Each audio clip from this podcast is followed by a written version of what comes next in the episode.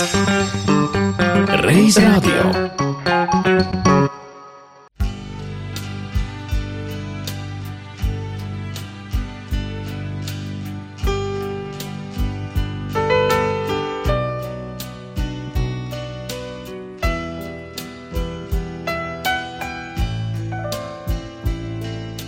Tu jau zini šo melodiju no filmas teātris, jo tev ļoti patika Raimonda Paula mūzika, tava iemīļotākā aktrise bija Vija Artmane, un arī šīs filmas režisors Jānis Streičs bija viens no tiem daudzajiem kultūras un inteliģences lauku cilvēkiem, kurus tu intervēji.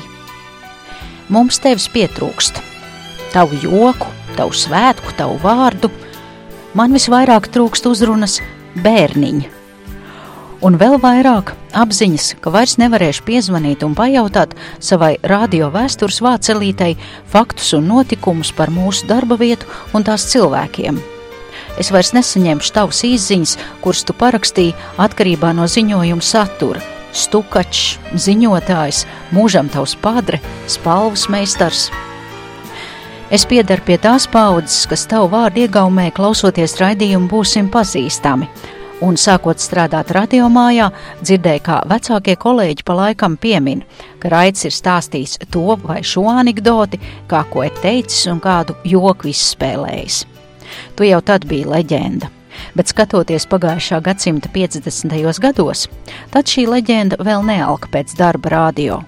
Kā tu raksti tevis paša sastādītajā grāmatā Lustīga strādāšana, Skolas beņķi deldējot raitiņam nebija karstāks vēlēšanās kā sapnis strādāt avīžu kioskā. Bērni iet uz skolu, bet šis ne. Vienā mierā šķirstītu zīlīti vai padomi Latvijas sievieti, ik pa brīdim zelēdams avīžu būdā uz gabaliem pa trim kapekām pārdodamos īrisus kis kis. Radio interesi nāca nedaudz vēlāk, Droši vien tad, kad tev mammiņa Vilhelmīna strādāja par radio apkopēju, un tu viņai nāc palīgā vaskot un bonierēt grīdas. Vai būs pareizi teikts? Būs, būs pareizi. Būs pareizi teikts, tu izaugi radio. Jā, bet, protams, simtprocentīgs radio bērns. Es nezinu, ko es būtu darījis, teiksim, ja nebūtu tas radio. Un radio diktors. Tas ir pārāk augsts un lepns skan, un kad laikrakstā pionieris, laikam, arī man tā kā skolniekam vēl prasīja, nu, kas tu dienās gribētu būt. Tas vēl bija pirms armijas, tad es teicu, es gribētu būt žurnālists. Jo teikt, ka diktors, es domāju, tas ir pārāk augsts. Žurnālists ir daudz vairāk nekā diktors. Kā tu raksti savās atmiņās, diktoros esi spēlējis kopā ar pagalma bērniem un centies atdarināt tolaik jau zināmo žurnālistu, tev vēlāko kolēģi Gunāru Jākapsonu. Un es viņu atceros šeit, tad, kad viņš palīdzēja savai mammai mazgāt grīdas, slaucīt putekļus. Tā viņa iepazina radio cilvēku, kā tādu darbīgu, nasku, izdarīgu puišu. Tā viņš iepazina radio žurnālistus, redaktors, un tā viņš pamazām sāka darboties bērnu redakcijā. Tā viņš kļuva par žurnālistu, jāteic par plaša profila žurnālistu, kā zinām, viņš strādāja presē, ārkārtīgi daudz labu paveicis šeit Latvijas radio, bet viņš bieži vien savas apdāvinātības dēļ tika izmantots kā tāds, varētu teikt, nocis puļķis. Viena no tādām uh, atmiņām, kas nāk galvā, saistās ar 80. gadu ar Olimpiskajām spēlēm, kad mēs abi strādājām Zirgstelē. Zirgstele toreiz tādās pozīcijās, ka saņēma gadā 20, 30 vēstules. Gribējās kaut ko vairāk, un mēs izdomājām rīkot konkursu, kas veltīts olimpiskajām idejām, olimpiskajām spēlēm. Raits bija viens no šī konkursa virzītājiem, bīdītājiem. Un mēs šajā Olimpiskajā gadā dzirkstelē dabūjām vairāk nekā 10 tūkstošu vēsturi. Vēl pirms gadiem 15 mēs svinējām Latvijas radio 75. dzimšanas dienu radās tāda ideja veidot grāmatu. Tā grāmata arī tappa, pamazām iesaistoties ar lielām cilvēku pulkam.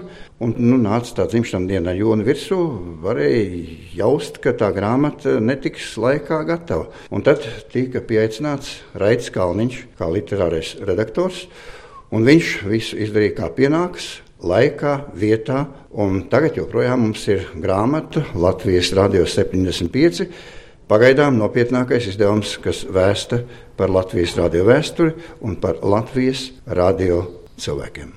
Tavs radio draugs bija arī diktors Sandra Glāzupa.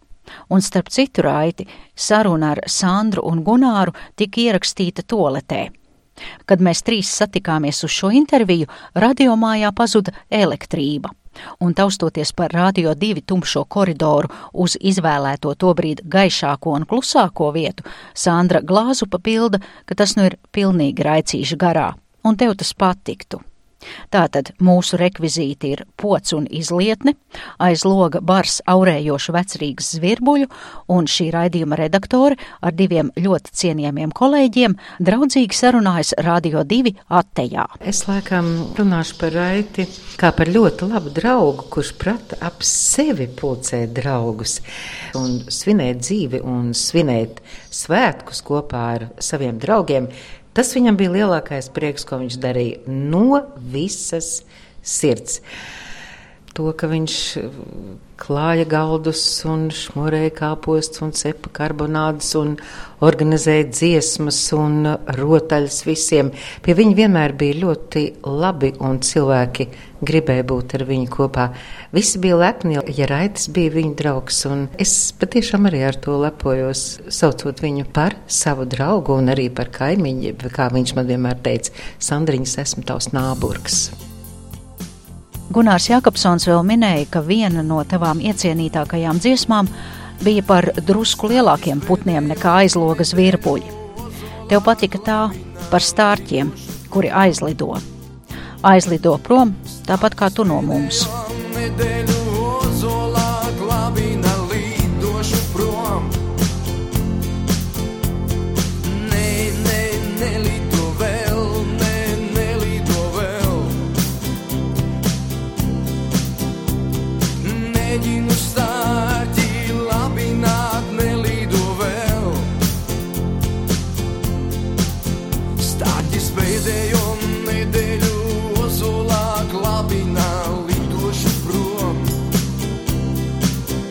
stati spedejom nedeljo.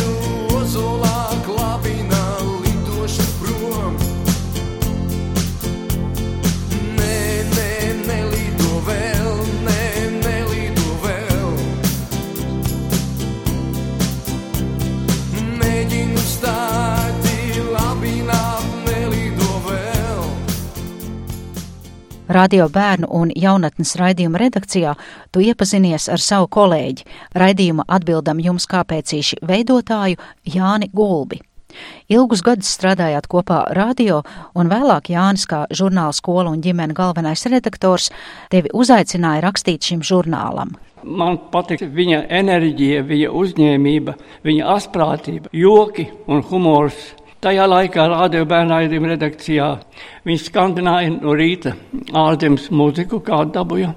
Kad mēs atnācām, istaba bija piepildīta ar mūziku, ar jokiem. Viņš stāstīja jaunākās anekdotas, bieži vien ļoti zobgalīgas un asas, un pat ļoti ģiptīgas, bet tai pašā laikā, lai gan raitis bieži vien bija diezgan tāds, nu, varētu teikt, pat gandrīz ar saviem jokiem tās pat parups. Bet e, viņas sirds, viņš tikai gribēja cilvēks uzjautināt un iepriecināt. Kā žurnālists viņš bija vienkārši apbrīnojams.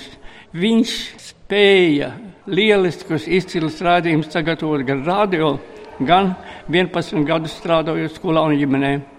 Viņš taisīja radiokompozīcijas, rakstīja līdz vēlai tumsai, un bieži vien viņš palika radio pa nakti. Un viņa mamma, kas strādāja par apkopēju radio, viņas apkopa grāmatvedības telpas. Es kādreiz atnācu no rīta agrāk, uzgāju augšā, raitis bonierē grīdas. Vai arī, kas atnāca vēlāk, raitis atnāca no darba, palīdzējis mammai, viņš ķerās pie radio darba. Jānis Gulbis, atceroties dziesmotos rītus redakcijā, sacīja, ka tu bieži vien atskaņoji grupu Boniem.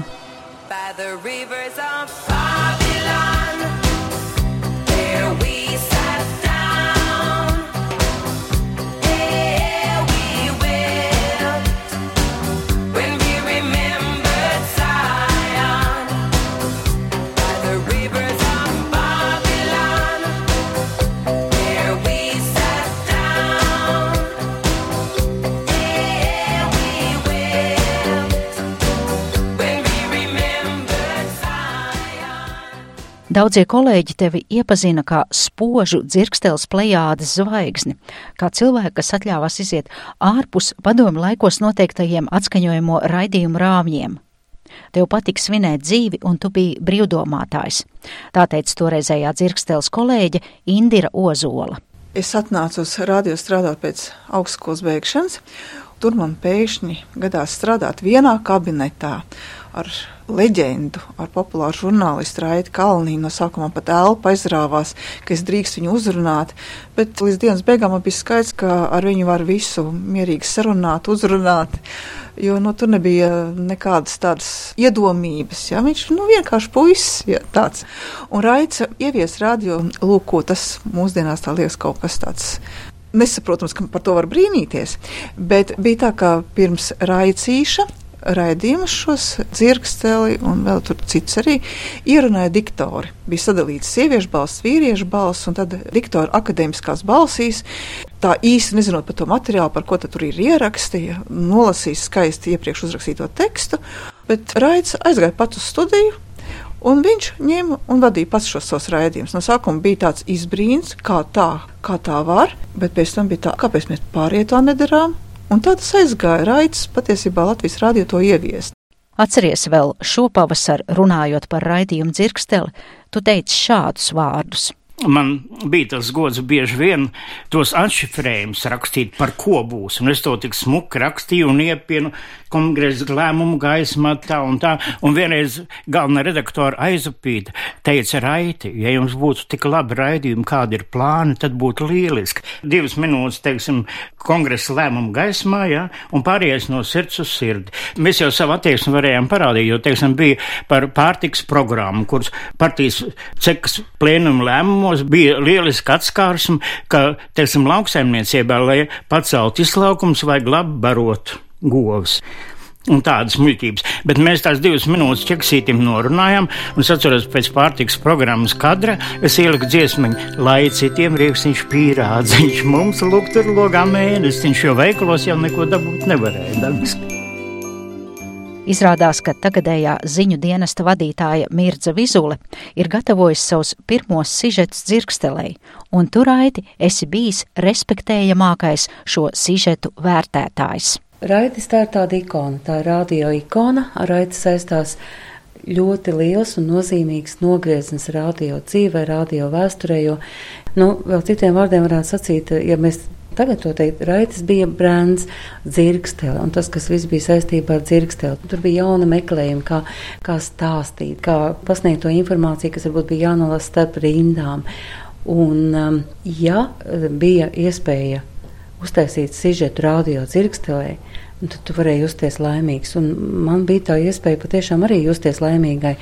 Gatavoju sižets arī dzirkstelē, un, ja raids to paņēma pretī un ielika savā raidījumā, nu jā, tad tie tiešām bija svētki. Un tad bija tā sajūta, ka tu, tu gaidi, jā, nu, kad skanēs tavs materiāls, un tad es atceros, es arī sēdēju un klausījos, jā, raids ir paņēmis un novērtējis, ka tas materiāls ir labs un ka tas var skanēt dzirkstelē. Un tad tu vienkārši staigāji kā uz spārniem. Tas bija vairāk nekā prēmija, tas bija vairāk nekā nauda. Nu, tas, bija, jā, tas bija novērtējums, jā, Raidis ir pateicis, ka tas, ko tu esi izdarījis, ka tas dara. Ja par raidījumu kvalitāti piešķirtu Raita Kalniņa ordeņus, tad arī es varētu ar tādiem lepoties.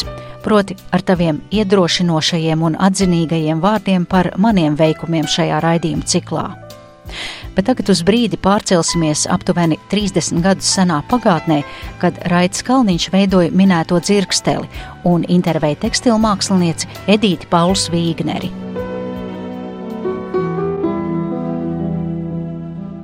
Viņa nemēdz runāt par savām iecerēm, nesēž dziļdomīgā pozā, galvu rokām aptvērusi, patētiski nestāst par dižām nākotnes iecerēm un neplātās, Gan arī vienmēr labā omā, smējas smiedama, iet, iedama, skrien gobelēniski ģērbusies, garām gājēji acu skatienu pavadīt par tādu ak, dievs, gaisa grābslību, brauc uz ārzemēm un brauc mājās, pārstāv visu valsti, bienālēs, triennālēs, kvadrinālēs, vienmēr sajūsmā par redzēto, vienmēr izbrīnēta par jūrām, zemēm, cilvēkiem, puķiem, gliemežvākiem, priecīga, ka var kādam kaut ko iedāvināt, krāšņi iesaņot, ka var palikt zem eglītes dāvanas, baltā ziemas dienā Aiz balta sajūsmas ģības pār Jeleneku firmas ķiršu liķieri, bet pa to laiku arī gobelēniece Regatava. Un Edītas rokas cilājas augšu, lejup, sānis pa kreisi, pa labi, acis nedaudz nogurušas, bet aktīvas. Pasaulē dzimst mākslas darbs, un mākslas darbā pasaule. Jānis Peters.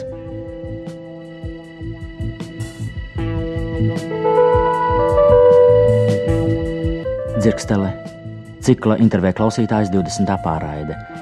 Republikas nopelnījuma bagātā mākslas darbiniece Edīte Vignere.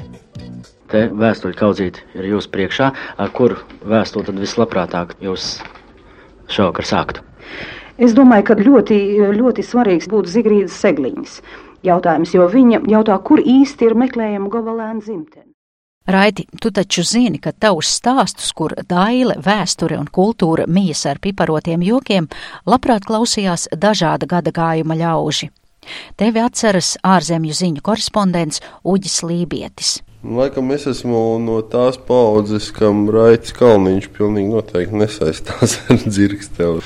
Raiti es iepazinu radiomājā, un arī mums tīri profesionāli pat mūsu ceļi nekrustojās, bet laikam, kur viņi krustojās, bija vai nu kaut kādos saviesīgos pasākumos, vai tepat blakus kafejnīcā ķieģelītī.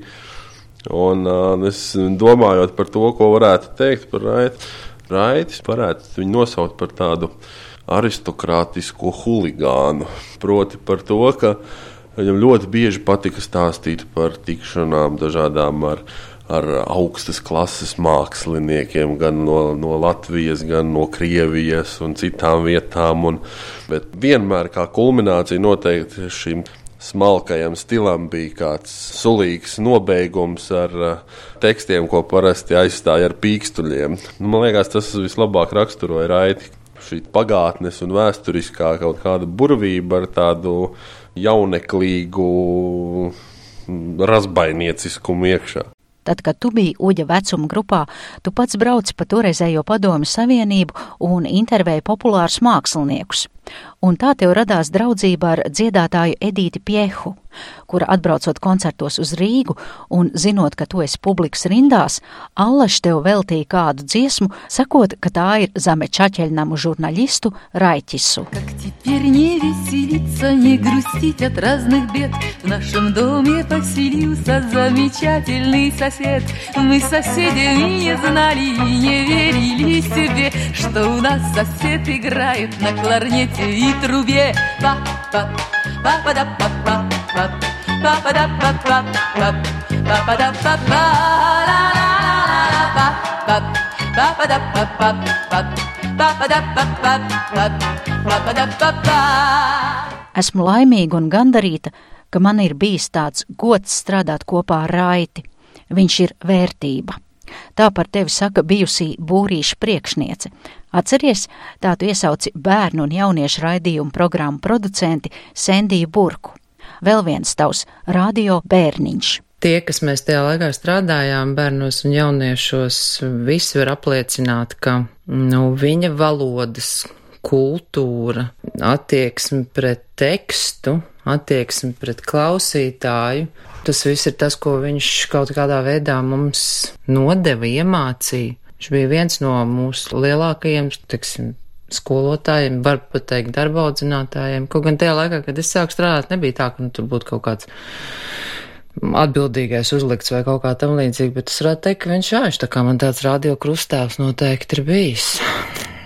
Mēs viņu saucām par spalvas meistaru. Es domāju, ka tas viņam atbilst. Es ar Raitu esmu strādājis kopā arī dažos drukātos projektos, kā varētu teikt, un viņš strādāja kā korektors un uh, vienmēr man mācīja arī likt komatus. Viņš teica, akal tu meitiņas te pa daudz salikus vai akal pa maz kaut kā tādā veidā, un, un, un ir kaut kādas lietas, ko viņš, man liekas, mums visiem ir iedzinis. Es domāju, ka tā laika bērnu un jauniešu redakcija nekad nejauca kā ar kad un vēl tam līdzīgs. Es domāju, ka mums ir tā valodas sajūta dziļi iekšā ieaudzināta, un Raids bija arī viens no tiem, kas skatījās līdzi tām lietām un, un jā, un iemācīja pietāti pret tekstu. Pavisam nopietni žurnālisti arodā, tu skoloji savu radinieci, raidījumu kā labāk dzīvot vadītāju Dainu Jāņa Kalni. Vienkārši man bija 14 gadi, kad viņš man tā paņēma aiz rokas, iedeva reportieru un teica, nu, pamēģini uztaisīt zirgslē kādu sižetiņu. Nu, tā tas sākās. Tā kā Raidis bija ne tikai mans darba audzinātājs šī vārda, pat tiešām bez mazākā smaida visnopietnākajā nozīmē. Es esmu raudājusi, kad viņš man trešo reizi ir dzinu studijā ierunāt aizkadra tekstu, jo pirmās divas ir bijušas draņķīgas. Bet viņš bija arī mans radinieks, man tēva brālēns. Līdz ar to viņš bija regulārs viesis eh, visās mājas viesībās, varens dziedātājs, dziesmu zinātājs un smīdinātājs. Nu, un tad, protams, arī starp viesībām viņš ciemojās mūsu mājā. Un viņam bija divas kaislības. Viņa ēdienkartē bija pankūkas. Man liekas, ka pateicoties Raitim, mana mamma jutās kā labākā pankūku cepēja, ja ne pasaulē, tad vismaz Latvijā, jo viņš prata slavēt. Viņa komplimenti kulinārie bija izcili. Un otra viņa kaislība bija vistas gaļa. Un tā konkrēti nevis tā jebkas, bet viņam garšoja tie vistas stilbiņi. Un viņš teica, ak, kungs, nu kāpēc tie zinātnieki neizdomā kaut ko, lai būtu vistas ar četrām kājām? Kopā ar tevi draugu ballītēs bija Inga Bēdele, tava ilgadīgā raidījumu montāžas operātore. Viņš bija viens no tiem nedaudziem cilvēkiem, kas vienmēr centās mani pieņemt, palīdzēt, tad, kad bija grūti un kaut ko mazliet ierādīt arī darbā, ko nezināju. Un tad mēs sākām dzirkstelē strādāt kopā. Un pamazām tās darba attiecības arī draudzīgās attiecībās izauga. Tad jau bija vesela tāda mūsu domu biedru grupa. Devāmies ciemos, cits pie cita. Raitis parasti bija tas, kas organizēja visu. Jo viņš bija tā sabiedrības dvēselīte, kas saturēja kopā visu, visu to kolektīvu. Pēdējos gados bija populāri tā saucamie dārza svētki viņa būduru vasaras mītnē. Piedod raicīgi, ka netiku uz pēdējiem. Man liekas, ka šie pēdējie dārza svētki viņš kaut kā neapzināti bija sarīkojis sev atvadīšanās vakaru. Skumji, bet viņš paspēja satikt visus, lielāko daļu savus tuvākos draugus, tuvākos mīļākos cilvēkus. Man vēl tagad ausīs skan, tad, kad ir grūti, redzu viņa smaidu un dzirdu vārdus dzīve, tas skaista bērniņa. Šī dzīve ir kā šūpoles, uz augšu ceļu un tūlīt nes uz leju. Šī dzīve ir kā šūpoles, es nāku un jau tūlīt projām eju. Šī dzīve ir kā šūpoles uz augšu ceļu un tūlīt nes uz leju. Šī dzīve ir kā šūpoles, es nāku un jau tūlīt projām. Pēdējās svinībās tevis rīkotajos dārzas svētkos bija ilgadīgs radio cilvēks Lieguļevska. Vienojāmies, ka mums policējiem bez tevis ir skumji, bet labi bija tas, ka tu paspēji nosvinēt savu aiziešanu. Man ārkārtīgi laimējās vēl būt ar Aitu kopā divas dienas pirms viņš pārcēlās citā saulē. Tas bija viņa kārtējais tusiņš, ko viņš rīkoja draugiem par godu vai nu vasarai sākoties vai vasarai aizejot. Viņš bija ārkārtīgi dzīvespriecīgs. Viņš mācīja arī savus skumjus pārvērst jokā. Viņš bija sentimentāls, viņš skaitīja dzēju no galvas, viņš zināja dziesmas, viņš dziedāja. Viņš bija vienkārši sabiedrības dvēseli un raitis, kur parādījās, tur viņš kļuva par centru. Pat ja visi viņu nepazina, tad tomēr nepagāja ne mirklis un atpazina, jā, tas taču ir Raitis Kalniņš. Ir ārkārtīgi smagi, ka cilvēks aiziet pēkšņi, bet no otras puses saka, ka tie ir dievi izredzētie, kur aiziet bez mokām. Kur ir patiesība, to zina Raitis šobrīd, vai ne? Mēs vēl nezinām to. Es domāju, ka viņam ir ārkārtīgi gaišs ceļš, un to es no sirds un visi mēs viņam novēlam.